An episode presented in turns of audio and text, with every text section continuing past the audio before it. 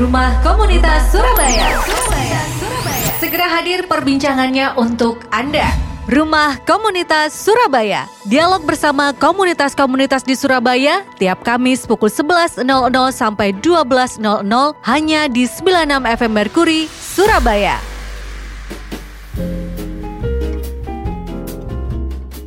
Sembilan FM Merkuri Info Aktual Lagu Hit Selamat pagi sahabat Merkuri Selamat bertemu kembali inilah perjalanan rumah komunitas Surabaya. Halo Hana, eh Hana Miza ya? Iya sebenarnya namanya Miza loh. Sebenarnya namanya Miza ya. Gak tahu Hana tuh nama dari mana gitu iya, ya. Dari Nemu aja gitu tiba-tiba kok kepingin pakai nama Hana gitu ya. Tapi kayaknya lebih serak ternyata Miza ya. Nama aslinya kan itu. Oke, Za. Uh, hari ini kita kita kedatangan teman-teman dari komunitas Komunitas Sahabat Belajar. Sahabat Belajar. Apa dari itu? namanya aja udah keren ya Mas ya. Hmm. Sahabat Belajar. Kenapa sih belajar tuh mesti ada sahabatnya? Hmm, hmm. Kenapa, Kita kenalan kenapa, ya. Kenapa belajar juga uh, harus disahabatin gitu Eh, ya? Kalau kemarin kan komunitas guru belajar tuh Mas. Hmm, hmm, Guru belajar. Sekarang beda lagi nih Sahabat Belajar. Sahabat belajar. Kita kedatangan tamu dari Mbak Endah dan Mbak Ica. Halo Mbak Endah, Mbak Ica. Halo, Hmm. Mbak Endah, Mbak Ica gimana kabarnya? Alhamdulillah baik, sehat. Oke, Mbak Endah boleh dijelasin dong, Mbak Indah, Mbak Endah ini posisinya di apa namanya komunitas sahabat belajar ini sebagai apa kayak gitu, Mbak? Oke, jadi perkenalkan nama saya Enda. Halo, Eh, saya dari komunitas sahabat belajar sebagai ketua Oke, sebagai sekaligus ketua, sebagai co-founder. co-founder dari komunitas sahabat belajar. Yap, Kalau. Mbak Ica, Halo, saya di Sahabat Belajar sebagai staf divisi digital media. staff divisi digital Iya, media. Jadi kalau ada teman-teman yang mau nanya-nanya di sosmed, sama saya tuh. Oke, sama Mbak Ica ya biasanya dibalasnya nih. Oke, Mbak Endah, balik ke Mbak Endah lagi. Apa sih Mbak sebenarnya komunitas sahabat belajar itu? Jadi komunitas sahabat belajar ini sebenarnya komunitas sosial Mm-mm. yang kita mendampingi anak-anak marginal. Marginal ya yang harus Ya. kita garis bawahi. Benar. Oke. Jadi di sini kami membantu dalam hal eh, belajar, Mm-mm. kemudian dalam hal pembiayaan sekolah, Belajar pembiayaan sekolah Mm, lalu Mbak benar, sama ada pem- eh, pendampingan orang tua. pendampingan orang tua. Jadi ada tiga ya yang di Iya, ada tiga. jadi fokusnya gitu ya. Benar.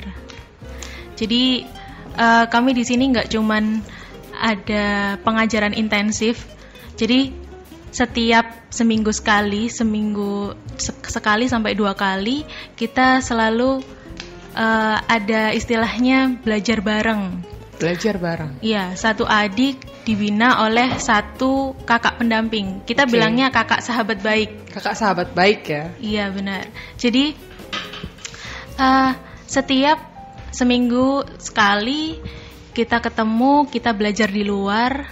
Eh, belajarnya nggak harus duduk menulis atau membaca. Kita Iya. belajarnya bebas. Mm-mm. Kita bisa belajar dari mana aja. Bahkan biasanya karena anak- anak-anak kita aktif ya. Mm-mm. Jadi kita belajarnya lewat eh, lingkungan sekitar. Misal nih, duh kak, aku penasaran sama motor. Ya udah kita ajak ke bengkel. Oke. Terus atau kita ajak ke komunitas sepeda mungkin. Kita pengen tahu sebenarnya aktivitas sepeda itu seperti apa. Terus gimana sih eh, objek-objek yang dalam rangkaian sepeda itu seperti apa? Gitu. Jadi kita di sini belajarnya bebas karena kebanyakan dari mereka ada yang sekolah dan ada yang tidak sekolah. Ada yang sekolah dan tidak sekolah. Mm-mm. Nah, kalau mereka sekolah dan mereka punya data-data kayak akte kelahiran atau kar- kartu keluarga, mereka kita daftarin sekolah, entah itu negeri maupun swasta, dan kita bantu biayanya. Tapi kalau mereka punya kendala, nggak punya kartu keluarga, nggak punya akte kelahiran, otomatis kan kesulitan. Mm-mm. Kita bantu dalam hal homeschooling. Oh homeschooling. Iya, begitu. Jadi menjamin mereka tetap bisa belajar dengan cara mereka sendiri gitu ya. Mm-mm, Nggak harus sekolah formal kayak gitu ya. Yap, benar. Karena kita merdeka belajar. Oh mengusung konsep merdeka belajar juga ya. Keren banget ini. Mhm. Lalu yang selanjutnya itu kan tadi mengenai belajarnya ya mbak ya. Eh, saya ini mau tanya juga, mungkin bisa mbak Ica yang jawab ya. Eh, anak usia berapa aja sih yang ikut menjadi didampingi oleh sahabat belajar ini? Eh, kalau di kita itu anaknya rentang usianya lumayan luas sih Mbak. Jadi ada yang dari usia-usia TK dan paling besar itu kelas 3 SMA. 3 SMA ya? Iya, 3 SMA. Tapi kebanyakan di usia SD SMP gitu. Kebanyakannya SD SMP ya.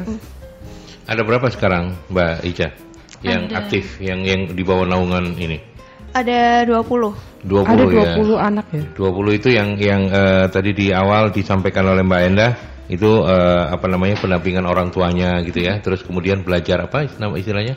Merdeka belajar tadi. Merdeka belajar. Merdeka belajar atau pokoknya Iya. belajar lah ya. Terus kemudian juga apa pembiayaan ya tadi ya? Iya benar. Iya. Jadi 20 orang ini yang memang dibiayai begitu. Iya. Dalam sesuai- pengertian seperti apa? Sejauh apa pembiayaan yang dilakukan oleh komunitasnya Mbak Endah dan Mbak Ica ini? Kita bantu dalam hal pembiayaan SPP, Heeh. kemudian beli-beli buku, Hmm. terus seragam dan sepatu, Hmm. seperti itu. Sampai berapa lama? Kalau kami sampai tahun? mereka, iya per per tahun, per tahun. Hmm, per tahun. Terus kemudian orangnya nggak ganti-ganti ya? Iya, Artinya 20 itu ya ya sejak sejak tahun berapa sampai sekarang ya 20 itu. Awalnya sih cuman satu orang, Satu orang. kemudian nambah, Oh, nambah, nambah, nambah, sampai nambah. sekarang 20. Karena memang kita kan pendampingan jangka panjang. Oke, yang dari 20 ini yang Mbak Ina yang paling lama, yang paling lama yang sudah menjadi eh, apa namanya quote unquote ya, Member ya? kliennya, Oke. kliennya sahabat apa belajar. Belajar, ya. Itu berapa orang? Tiga. Tiga Dari itu yang paling lama tahun- berapa berapa lama? Tiga tahun. Oh, Dari tiga tahun, ya. 2016. Oh, jadi komunitas Anda ini berdiri tahun 2000? Kita berdiri resminya Ah. tahun 2018, tapi kita sudah bergerak untuk membiayai tahun 2016. Oh, jadi 2016 itu memang pilot projectnya dan itu sampai Iya. sekarang masih jalan terus itu jumlahnya tiga orang. Iya, awalnya tiga orang. Umur berapa mereka? Eh, Saat itu? SD.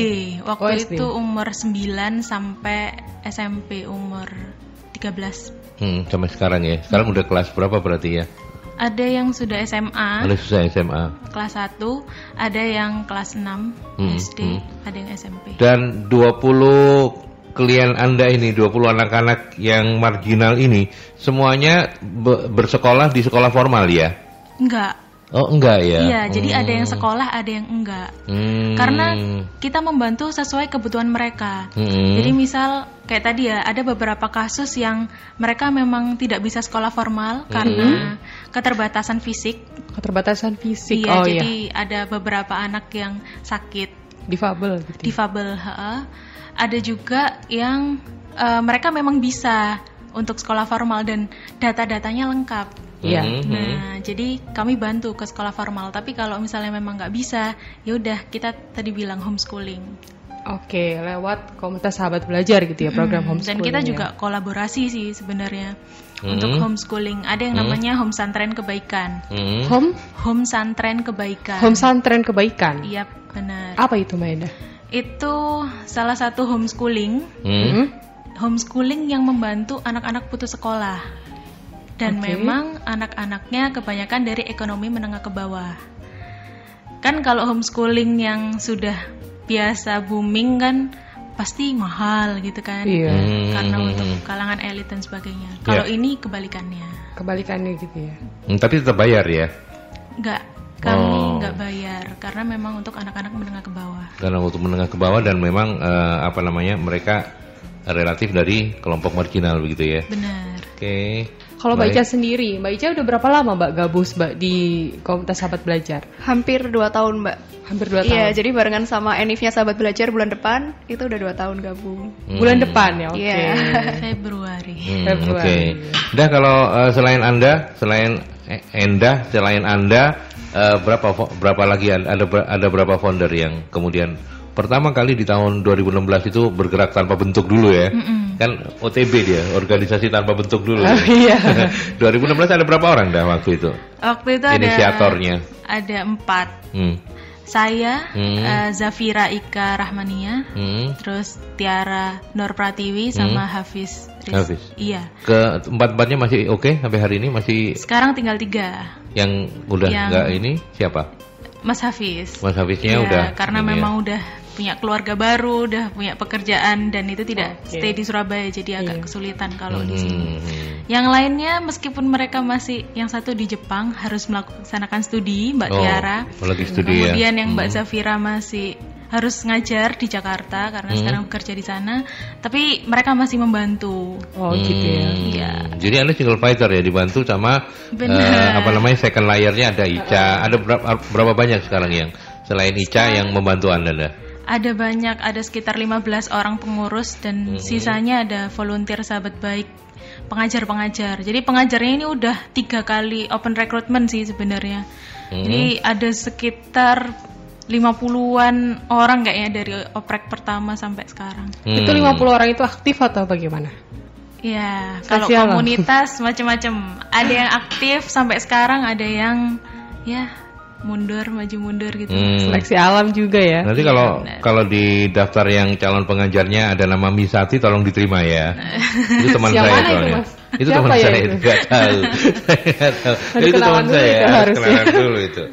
Ya ya oke baik. Eh, menarik ya apa yang sudah diperjuangkan dalam tanda petik diperjuangkan oleh eh, Endah di awal, kemudian oleh Mbak Ica dan teman-teman di eh, level berikutnya. Karena eh, nanti kita akan eh, apa namanya cari tahu inform gali informasi lebih dalam soal bagaimana kemudian mereka melakukan pendanaan ya Iya, itu untuk untuk juga. eh, itu, itu juga menjadi hal menarik. Heeh. Tapi kita break dulu ya, teman-teman kita break dulu ya. Saya harus ke beberapa pesan dulu. Jangan ke mana-mana, Dialog Rumah Komunitas Surabaya balik lagi setelah ini. Ya kita masih dalam perbincangan bersama teman-teman hebat ya dua paling nggak yang sudah hadir di studio dan masih beberapa lainnya di markas mereka Iya. begitu ya komunitas sahabat, Sahabat Belajar. belajar. negara harusnya negara dan pemerintah kota dan pemerintah provinsi harusnya banyak berterima kasih kepada mereka ini karena Mereka, mereka juga ya anak-anak yang Jangan, jangan lihat dari jumlah ya, tetapi Iya. dari semangat mereka untuk kemudian membantu pemerintah mengentaskan pendidikan. eh, apa namanya anak-anak yang putus sekolah itu sangat. Silakan sah. Oke, Mbak tadi kan bercerita ya mengenai 20 anak gitu ya dari eh, apa masyarakat marginal yang dibantu lewat komunitas sahabat belajar. Bagaimana sih latar belakang beliau, eh, latar belakang mereka itu gitu? Dari segi mungkin orang tuanya atau eh, apalagi ya keadaan keadaannya gitu kena apa mengapa mereka pantas untuk dibantu lewat KSB? Oke, jadi eh, kebanyakan adik-adik binaan kami ini mereka tinggal di lingkungan perekonomian bawah Iya. dan kebanyakan em, banyak yang punya orang tua, tapi banyak juga yang orang tuanya sudah meninggalkan, baik yang memang sudah meninggal atau ya menelantarkan anaknya gitu. Hmm. Oke. Nah, orang tua mereka juga banyak yang menikah muda. Gitu. Nah, sebenarnya menikah muda juga bukan apa ya?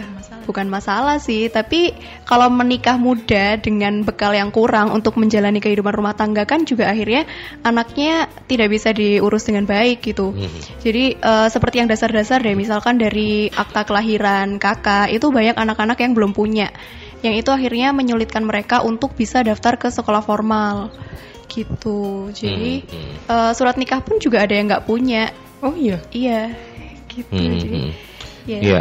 Ini di eh, di programnya kan juga ada pendampingan orang tua gitu ya. Ya, misalnya. Iya. Nah, mungkin abi- ada cerita ada cerita-cerita yang kemudian Anda mendapatkan eh, rejection dari mereka apa yang mungkin bisa di-share, mungkin bisa menginspirasi juga sahabat-sahabat Mercury di luar sana. Ada cerita-cerita penolakan nggak dari program Orang pendampingan orang tua? Kalau saya ngerasa sih kayaknya ada ya. Kalau anak kan mungkin nggak ada dan barangkali juga menerima-terima lumayan aja. banyak ya. Tapi oh nggak gimana Mbak Enda? Kalau penolakan sih bukan penolakan, Bukan sih, penolakan, tapi ya. malah kayak udah ini anak saya urusin aja. Oh, gitu? Iya, malah seperti itu. semacam diserahkan gitu ya. Benar. Ya tambah enak dia ada yang ngopeni gitu ya. Kira-kira Iya, kayak gitu ya. Iya, karena Hmm. kebanyakan memang satu keluarga itu yang biasanya anak dua cukup ya, Iya. itu bisa lima orang anaknya, Hmm. lima sampai enam orang. Padahal dari sisi eh, ekonomi nggak mampu-mampu banget gitu Heeh, ya. Benar. Hmm, Ditambah hmm. lagi eh, mereka itu punya mindset yang kurang bagus dalam hal bergantung. Jadi kita datang, kita niatnya, Bu, ayo kita kolaborasi. Hmm. Kita bantu anak ibu sekolah, tapi ibu juga di rumah harus ngurusin nih anak. istilahnya seenggaknya bangun pagi yuk dibangunin sarapan yuk Nyiapin di- sarapan Ah. juga gitu ya, Hmm. mendukung Tapi- anaknya ya. Iya, tapi yang terjadi di lapangan tidak. Mereka cuma bilang iya kak, iya iya. Tapi anak sekolah jam 6 harusnya udah berangkat, jam 7 mereka dibiarkan tidur. Bahkan sampai saya harus turun langsung Hmm, jemput hmm, anaknya. hmm. Waktu itu ketemu bapaknya, Pak, di mana ya si anak ini gitu? Masih tidur mbak, loh kok nggak dibangunin? Kan Hmm. sekarang waktunya ujian, Hmm, hmm, apalagi hmm. ujian akhir waktu itu. Iya. Akhirnya Apa komennya? ya Bapaknya. diem aja, Oh. kayak tanpa merasa Nureken, bersalah. nureken gitu ya. Kalau Iya. orang gitu bilang nureken. gitu ya. Nureken, ah. Nggak direken gitu ya. Itu sih yang jadi masalah. Hmm. Ditambah lagi kalau misalnya dulu awal-awal kita mungkin ngasih bantuan dalam berupa uang ya Hmm. untuk Iya. biaya Hmm. pendidikan. Tapi ternyata malah disalahgunakan sama Oh, orang oke. tuanya untuk membayar yang lain. Hmm. Akhirnya semenjak itu kami membayarnya langsung ke sekolah Ke sekolahnya. dan interaksi langsung Hmm. dengan guru sehingga tahu gimana sih perkembangan anak di sekolah seperti Hmm, itu. hmm, hmm. Karena ternyata orang tua ini cukup jadi hambatan besar sih Hmm. untuk anaknya. Kalau misalnya mereka belajar sama kita dan udah oke tapi di rumah masih dengan budaya yang seperti Iya. itu ya Tidak belajar lagi gitu ya. Susah. kalau- Artinya karena Iya. karena wa- waktu bersama orang tua dan di luar pendampingan teman-teman dari sahabat belajar lebih banyak ya. Makanya mungkin merubah mindset mereka tidak sesederhana yang kita bayangkan gitu ya. Iya. Kecuali kalau mereka misalnya 24 hours ikutan di eh, markas misalnya punya base camp iya, gitu beda gitu, lagi gitu beda ya. lagi. Mungkin akan lebih mudah. Cuman bukan jadi hambatan Iya, kita iya, sih. iya. Karena memang kadang kan orang-orang kayak ah ngapain sih ndak ngurusin anak orang. Nah. Nah, Repot-repot gitu mbak. Apalagi itu orang tuanya seperti itu nggak bisa Iya. diajak kerja sama. Cuman saya ngelihat kalau misalnya kita nggak membantu, terus siapa lagi gitu? Hmm, Karena hmm. mereka sebenarnya punya harapan. Hmm. Cuman tidak ada orang-orang yang apa ya? Belum ada orang-orang yang benar-benar bantu sampai terjun sejauh itu. gitu. Hmm, hmm, hmm, hmm. Itu sih. Iya, iya, iya, iya. Sebenarnya Hmm. kalau pendampingannya sendiri ya Mbak Indah atau Mbak Eca eh, itu seminggu misalnya berapa kali kah atau sebulan berapa kali kayak gitu untuk kakak asuh kakak kakak sahabat baiknya ya Seminggu sih dua kali. seminggu dua kali Iya, jadi kita datang ke rumah, kita ketemu sama orang tuanya, terus kita ajak anaknya untuk belajar, terserah belajar di rumah boleh, di taman boleh, atau mau keluar jalan-jalan. ke mana gitu. Jalan-jalan gitu ya. Heeh. Hmm. Terus nanti kita coba kira-kira ada perubahan nggak sih anak ini? Oh, kok anak ini lagi bad mood, tiba-tiba nggak mau belajar. Hmm. Nah, mulai itu dikorek-korek karena mungkin habis dipukuli ayah ibunya atau Hmm. gimana. Nah, nanti kalau misalnya sudah dapat cerita komplit, kita baru bilang ke orang tuanya, "Bu, ada masalah apa? Kenapa kok kemarin gini ini?" Jadi, kita coba orang tuanya untuk cerita juga. Iya, anak saya kemarin mencuri mungkin atau apa gitu. Hmm. Akhirnya saya mukul dan sebagainya. Jadi memang harus ada komunikasi antara orang tua dan anak biar ketemu ini titik masalahnya apa gitu. Iya, iya. iya. semacam fasilitator ya jadi fasil- fasilitator untuk apa namanya mendampingi orang tua Iya, dan juga benar. anak ya serta apa ya em, mengkomunikasikan. Mungkin mereka berdua sebenarnya ya bisa berkomunikasi tapi tidak yang berkomunikasi intens dan apa namanya eh, membahas masalah yang sedang mereka hadapi gitu ya. Iya, jadi komunikasinya paling eh, cuma satu arah dari orang tua ke anak dan itu pun Iya. cuma dalam bentuk ya marah atau Iya, pukulan atau kayak gitu. instruksi kayak iya, gitu ya. jadi kan anak bukannya nurut tapi malah makin berontak iya gitu ya. berontak gitu kan. Hmm, hmm. Ya oke tadi eh, apa namanya kalau dari sisi pendampingan itu memang dilakukannya terbatas ya artinya hanya dua dua kali dalam seminggu begitu ya. Kalau day by day apa yang kemudian teman-teman ini eh, lakukan dalam bentuk pengawasan anda?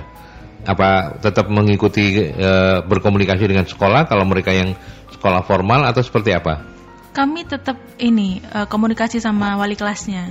oke Biasanya kalau ada apa pun Hmm. kita by chat WA. Mbak hari ini Hmm. anak ini nggak sekolah. Kenapa ya? Oh. Baru kita cross check. Oh. Entah itu datang langsung ke rumahnya atau bisa lewat WA. Biasanya kan kalau anak-anak SMP SMA mereka udah udah megang Udah HP, megang ya.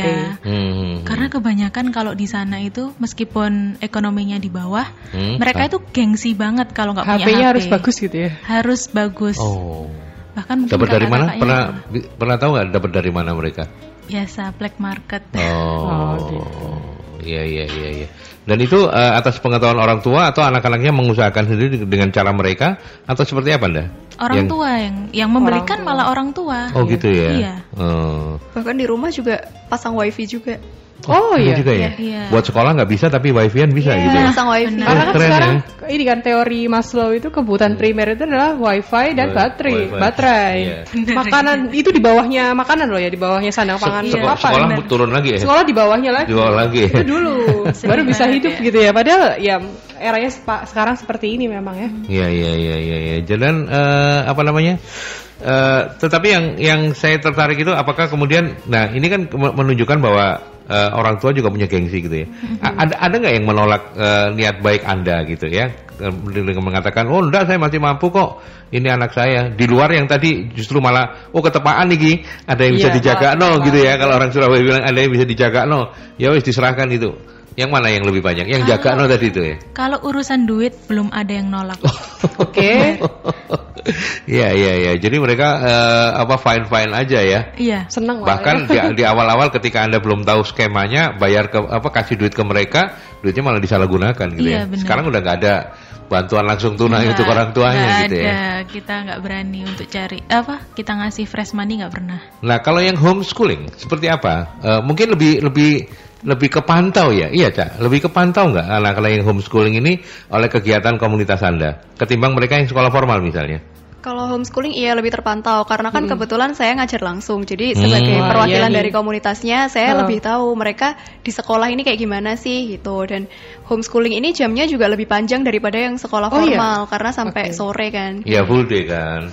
Tiap Iya. hari atau gimana Mbak Ica? Tiap hari dari Senin sampai Sabtu pagi. Oh iya, yang sampai Sabtu pagi itu karena kan eh, dia homeschoolingnya di home santren, Ah, ada home pesantrennya santren. itu Hmm. kan. Jadi eh, ya itu seenaknya gitu. Jadi eh, pendidikan buat umumnya oke, terus pendidikan agamanya juga jalan. Oh, untuk Hmm. yang masuk ke home santren Iya. itu. Home pesantren. Dari 20 itu kalau boleh dipetakan begitu yang yang formal sekolah formal berapa? Ingat nggak Mbak Enda atau Mbak Ica? Kemudian yang ada di homeschoolingnya berapa gitu? Kira-kira apa 50-50 itu sekedar menyebut eh, ini saja? Dari 24 itu homeschooling. Oh, masih lebih banyak yang di sekolah formal ya? Hmm. Dua lagi memang nggak sekolah. Hmm. Nggak sekolah. Iya. Sisanya sekolah formal. Sekolah formal. Oh. Yang dua nggak sekolah tadi kenapa ya? Maksudnya ikut program yang mana gitu?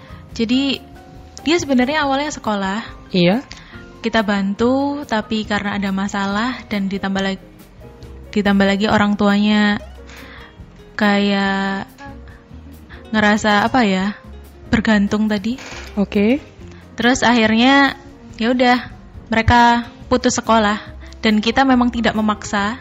Kalau misalnya mereka memang tidak mau sekolah formal, silahkan. Hmm. Tapi kalau misalnya kita, mereka punya potensi, entah itu bisa memasak, Hmm. bisa make up, kita bantu ikut pelatihan. Oke gitu ya. Hmm. Difasilitasi eh, sampai benar-benar mereka itu bisa mandiri seperti itu Mbak Ica. Eh Mbak Ica, Mbak Ica, Mbak. Mm-mm, Iya, benar. Seenggaknya mereka punya apa ya? Skill. Skill. Oke. Kalau dari gender dari 20 itu ma- mayoritasnya laki-laki perempuan dah? Imbang. Imbang ya? Imbang. 10-10 lah kira-kiranya Iya. gitu ya. Oke. Laki-laki perempuan sama. Dan umurnya tadi itu yang, yang ada yang mulai TK ya, mulai Iya, TK ya. TK Mulai sampai. SMA. Tapi yang paling gede SMA kelas berapa? SM yang sekolah kelas 1 Hah? Hmm, hmm. sampai kelas 3 ada. Sampai kelas Kelas tiga 3 saya. ada ya. Oke oke baik, terima kasih. Sebentar saya ke Mbak Nila yang ada di posko. Ya Mbak Nila. Iya, ini ada beberapa pertanyaan dari sahabat-sahabat Merkuri. Ada Mbak Santi, ini menitipkan pertanyaan, sahabat belajar sudah sejak kapan terbentuk? Kemudian sumber pendanaan sahabat belajar didapat dari mana? Apakah ada syarat khusus untuk menjadi kakak pendamping? Hmm. Kemudian ada Pak Bambang, apa yang menentukan anak-anak itu bisa jadi target pendampingan? Selama ini anak-anak dari kalangan mana saja yang bergabung di sahabat belajar? Kemudian ada Ibu Ita, salut dengan apa yang dilakukan oleh komunitas sahabat belajar. Apakah bisa kalau di lingkungan kita ada anak-anak yang membutuhkan pendampingan seperti yang concern dilakukan oleh komunitas sahabat belajar? Bagaimana caranya mengontak sahabat belajar? Kemudian ada Mas Denny, sejauh ini apakah adik-adik yang jadi target pendampingan hanya sebatas usia sekolah dasar? Hmm. Oke, baik. Terima kasih Mbak Nila. Terima kasih sahabat-sahabat Merkuri. Saya start dari Mbak Santi yang tadi sebenarnya sudah kita tanyakan tapi mungkin Mbak Santi juga kelewat. Boleh diulang kembali oleh Mbak Enda atau Ica atau eh, Eca. Eca apa Ica sih? Ica ya? Ica. Ica ya. Mbak Santi menanyakan sudah sejak kapan terbentuk dan kemudian sumber pendanaannya dari mana, gitu ya? Dan apakah ada syarat khusus untuk menjadi kakak pendamping? Ini pertanyaannya Mbak Misati juga ini. Iya. Ini pertanyaan kamu kan? Iya. silakan silakan, Mbak Eda. Oke, kalau kami berdirinya tahun Hmm. 2018, Hmm. awal Januari kami berdiri. Tanggal?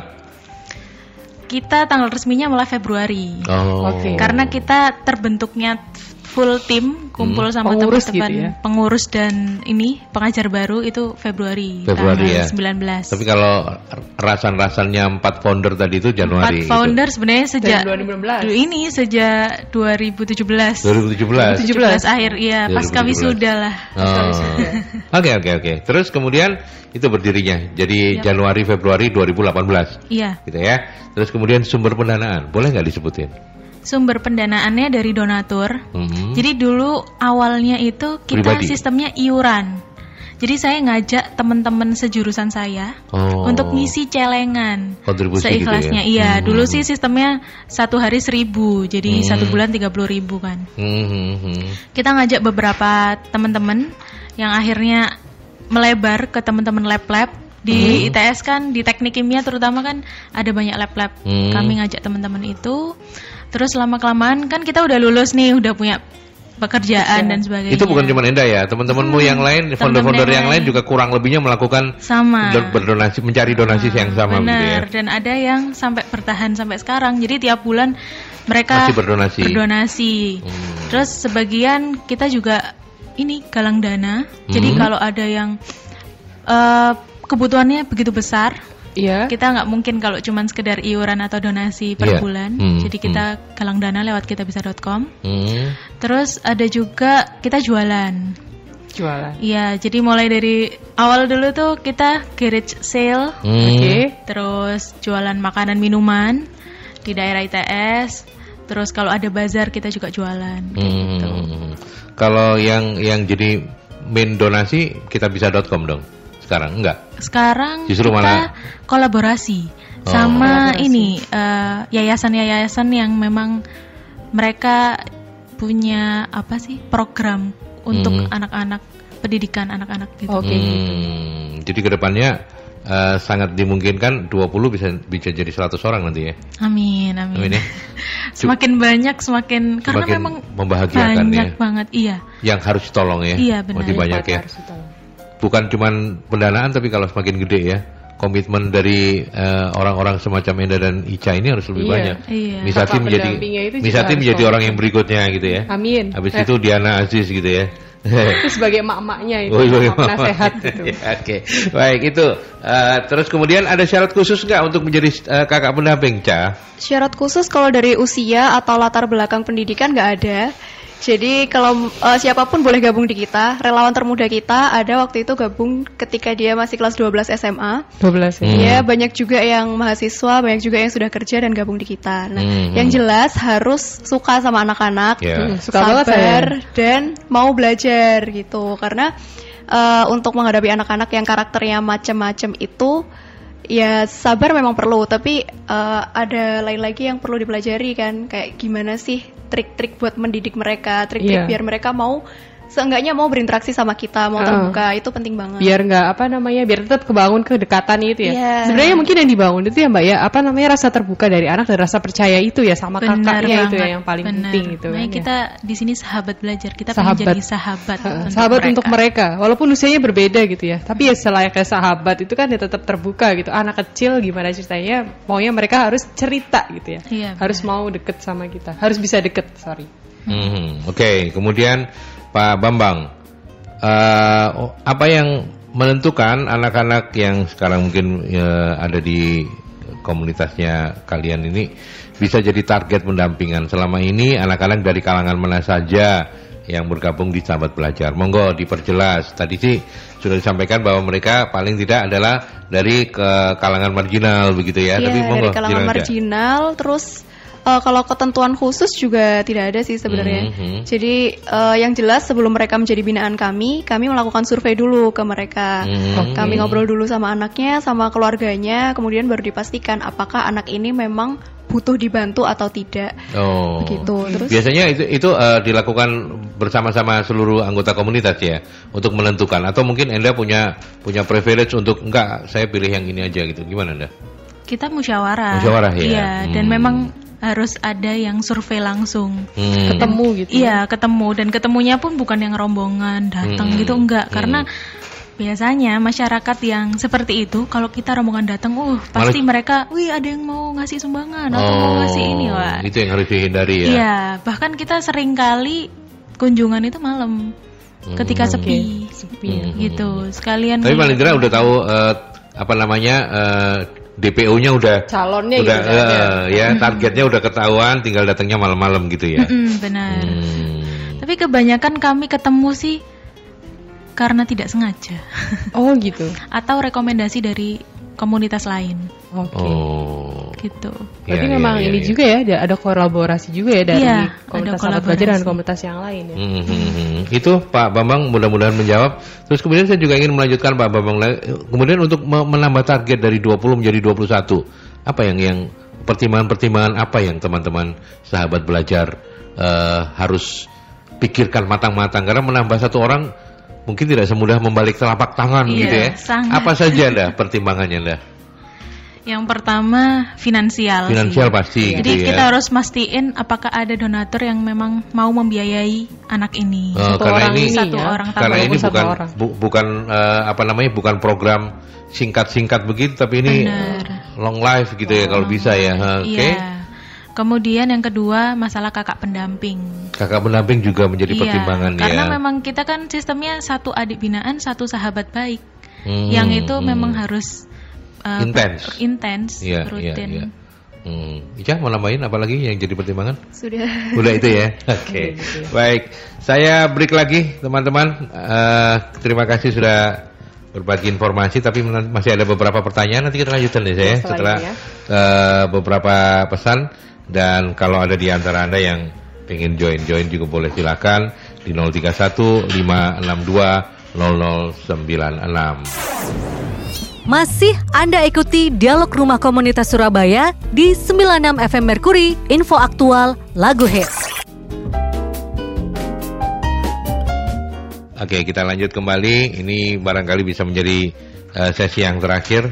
Moga-moga semuanya tuntas nanti terbahas oleh saya dan Miza Iya. untuk eh, perbincangan hari ini. Sama nggak silakan. Masih ada pertanyaan lagi ya Mbak ya dari pertanyaan tadi yang belum terjawab. Mhm. Itu Dari siapa Mas? ini dulu, Mas ini dulu deh. Oke. Apakah eh, adik-adik yang jadi target pendampingan itu hanya sebatas usia sekolah dasar? Gimana? Kalau kami dari TK sampai SMA sih. Hmm. TK sampai SMA untuk 20 anak tadi ya. yang Ya, jadi artinya eh, nggak sa- nggak cuma sekolah dasar, Mas Denny, tapi juga sampai di tingkat SMA. Kemudian Ibu Ita, selalu dengan apa yang dilakukan oleh komunitas sahabat belajar, apa bisa kalau di lingkungan kita ada anak-anak yang membutuhkan pendampingan, seperti yang concern dilakukan oleh komunitas sahabat belajar, bagaimana cara mengontaknya? Oh ini mungkin ya itu tadi yang disampaikan ya, bisa jadi masukannya memang dari masyarakat gitu ya. Iya, Gimana? jadi Ya. selain rekomendasi dari komunitas lain, kami juga bisa menerima rekomendasi dari masyarakat. Hmm. Iya. Gitu. Untuk mengontak kami bisa hubungi kami lewat Instagram di Hmm. @komunitas-sahabat-belajar. Hmm. Di sana sudah ada info untuk kontak yang lainnya di line, email Hmm. dan juga WhatsApp. Jadi yang yang eh, paling valid dari eh, apa namanya media Sosialnya berkomunikasinya gitu ya. Instagram ya. Iya, Instagram. Instagramnya at Komunitas Sahabat Belajar. sambung semua ya. Mm-mm. Oke. Ada baik. gambarnya roket. Ada gambarnya roket. Ada filosofinya mungkin. Oh, ada. Apa itu Mbak Endah? Roket itu yang kecampur lumpia itu apa itu? Bukan ya? Itu kroket. Oh salah ya. Laper ini kayaknya Mas. Bentar lagi makan siang Mas tenang. ya ya roket. Kenapa roket? Roket. Kita pengen mengantarkan anak-anak untuk Meroket gitu ya. Meroket. Me- me- apa namanya, melesat kayak roket gitu. Melesat. Wow, keren. Ya, ya, ya. Itu filosofi yang sederhana tapi Sederhana sangat luar tapi biasa. dalam. Dan galak banget gitu loh ya. Iya. Nggak cuma pesawat banget, ya, iya. tapi roket gitu ya. Kita ke penelpon ya. Ada yang ingin menyapa Anda. Selamat pagi, eh selamat siang. Selamat pagi. Ya. Selamat pagi. Monggo Mas Dewa, selamat pagi, selamat siang. Iya. Sahabat belajar ya. Hmm, Iya. betul. ini kan sekarang ini kan apa ya? Eh, nggak tahu tadi mungkin awalnya nggak sampai dengar nggak tahu mungkin nanti saya nanya mungkin ngulang lagi ya. Hmm. Eh, beberapa kan eh, orang tua ini pertama kali cenger bayek metu itu handphone dikekno gitu loh. Jadi kebiasaan anak-anak itu akhirnya eh, mau tidur pegang WA, bangun tidur WA lagi gitu kan. Itu kan berarti kan akhirnya kan gimana mau belajar gitu ya. Nah, ini merubah paradigma agar kalau mungkin kalian literasinya kepada teman-teman mungkin ke targetnya milenial-milenial ini ya. Tetapi agar orang tua eh, muda atau orang tua sing kadung wis keliru gitu loh. Itu gimana caranya Anda memberikan edukasi? Mungkin nanti kalau edukasi ke RT RW, arek cilik ngerti apa sih ngandani wong tuwek. Nah, itu kan susah lagi. Padahal kan, Bu, jangan dikasih HP, HP Bu dikasih, tetapi memang untuk belajar. Tapi biasanya banyak anak ngakalin, Mama minta HP-nya, mau belajar. Ujung-ujungnya mamanya nggak ada, main ML, Mobile Legend, main apa, main apa. Jadi kan, ini kan gimana ini caranya biar anak sadar, gak usah disuruh, tapi belajar sendiri. Kagaknya dari gadget sih. Terima kasih, Mas Aldi. Hmm, Selamat oke. pagi. Monggo Mas Dewa, terima kasih. Silakan dikomentari Mbak Ica atau Indah atau kedua-dua kalian. Monggo silakan. Oke, jadi kalau caranya untuk gimana caranya biar anak mau belajar sendiri ya harus dibiasakan. Kalau sudah terlanjur terbiasa pegang HP, mulai dibatasi pelan-pelan. Hmm. Gitu. Jadi eh, misalkan sehari pegang HP itu terus-terusan dari pagi sampai malam, terus Hmm. bangun sudah pegang HP lagi. Itu mulai dibatasi. Mungkin waktunya makan Hmm. itu harus nggak boleh pegang HP. Terus nanti eh, kapan waktunya belajar? Jadi setelah sekolah mungkin kerjakan PR dulu. Kalau boleh, eh, kalau sudah selesai baru baru boleh pegang HP kayak gitu. Nah biar anak-anak tertarik itu kalau menurut saya sih bisa dijadikan seperti sistem reward. Jadi eh, kalau anak-anak mau main HP ada syaratnya dulu nih. Misalkan harus belajar dulu atau harus mau eh, makan dengan rapi dulu kayak gitu. Nanti kalau bisa menyelesaikan itu dengan baik baru boleh main HP, tapi juga harus dibatasi jamnya. Oke. Tuh. Mbak Ida ada tambahan? Oke, sama satu lagi, mungkin kita harus nambah nih hal-hal yang istilahnya jadi kesukaan anak. Jadi ternyata permainan itu nggak cuman ada di handphone loh, kita ada permainan lain, terutama permainan-permainan yang eh, ini ya mengkaitkan motorik halus gitu. Kayak ma- yang paling simpel ini sih, jarang banget kan orang tua itu eh, menemani anaknya untuk bermain. Iya. Contoh yang paling simple, anak-anak sekarang tahu nggak sih yang namanya kelereng?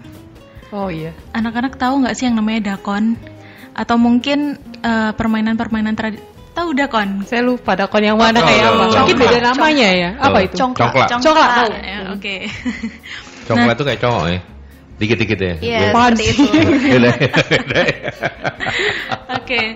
Ya, Jadi ya dakon, dakon. Hmm. sebenarnya kita bisa belajar sambil bermain. Jadi mereka tuh kalau misalnya dari ini ya eh, pemikiran anak-anak sekarang itu belajar itu harus duduk nulis baca ngerjain PR dan itu bikin mereka jenuh Bosen ya. bosen padahal kita bisa membawa mereka belajar tuh sambil fun sambil ceria gitu Hmm. Nah, yang paling sulit sih biasanya di orang tuanya. Gimana merubah budaya itu, kebiasaan mereka yang biasanya nggak megang, yang biasanya megang HP, tapi jadi tidak megang HP. Itu sih. Karena kalau anak-anak cuman sekedar disuruh, ya mereka Disuruh itu tidak lahir dari diri sendiri soalnya. benar. Dan mereka memang butuh panutan. Itu. Jadi coba deh kenalkan. Kayak paling simpel. Yuk kita gambar apa yang tadi kamu lihat selama perjalanan dari sekolah ke rumah gitu. Hmm. Misal, eh, aku tadi ngelihat ada orang ini pedagang, pedagang pentol, pedagang pentolnya bawa gerobak, oke. Terus coba orang tua korek-korek nih, apa sih yang bisa dipelajari dari tukang bakso ini, pedagang bakso ini? Hmm. Jadi sebenarnya banyak hal yang bisa di apa ya, explore Mm-mm. dari kegiatan kita sehari-hari. Tapi orang tua kadang "Hah, gimana ya susah ya udahlah HP aja ya udahlah HP aja nah ini nih Padahal kebiasaan juga ini HP nggak nggak semuanya membawa dampak baik gitu ya. iya benar apalagi anak-anak sekarang tuh udah pinter banget buat menipu ya menipu dalam Iya. hal ini nih Alasan. Eh, nggak bikin biasanya game ada akun. Hmm. Oh, iya. Akunnya email dibikin eh, umurnya tua banget. Iya. Jadi Hmm, hmm, hmm. biar mereka bisa mengakses banyak, Banyak hal. hal. Nah, ini nih orang tua kadang sering kecolongan di situ. Ya, apakah itu eh, eh, sekarang juga menjadi salah satu eh, apa materi yang anda perhatikan betul untuk saat pendampingan Iya. terkait dengan ini ya penggunaan HP dan segala macam itu ya? Biasanya itu kalau pengajar-pengajar baru ya, Hmm. kami tuh dari awal udah bilang, pokoknya jangan pernah ngasih HP ke anak. Anak-anak. Hmm. coba untuk berinteraksi anak ber- berinteraksi langsung dengan anak-anak, jangan megang HP karena Hmm. kalau udah ada ngeluarin HP udah anak-anak ah pinjam HP-nya, pinjam HP-nya, entah buat selfie, entah Hmm. buat ngegame dan sebagainya.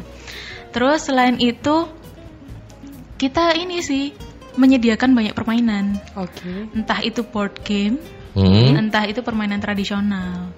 Board game yang paling simpel eh kita kan kolaborasi sama teman-teman yang lain. Ada Iya. nih namanya Trip for Education Trip baru. for education. Jadi mereka punya permainan namanya Lokalita. Kita belajar tentang wawasan kebangsaan pakai kartu-kartu itu. Kita belajar tentang suku, alat musik dan macam-macam lah. Pancasila, macam-macam. Hmm. Nah, dari situ eh ternyata bermain itu ini ya. Mereka tanpa sengaja bisa tuh menghafal Pancasila tapi lewat game, bukan dari yang membaca, menghafalkan. Membaca Iya, membawa iya, kertas iya, iya. gitu ya. Yap, Hmm. benar.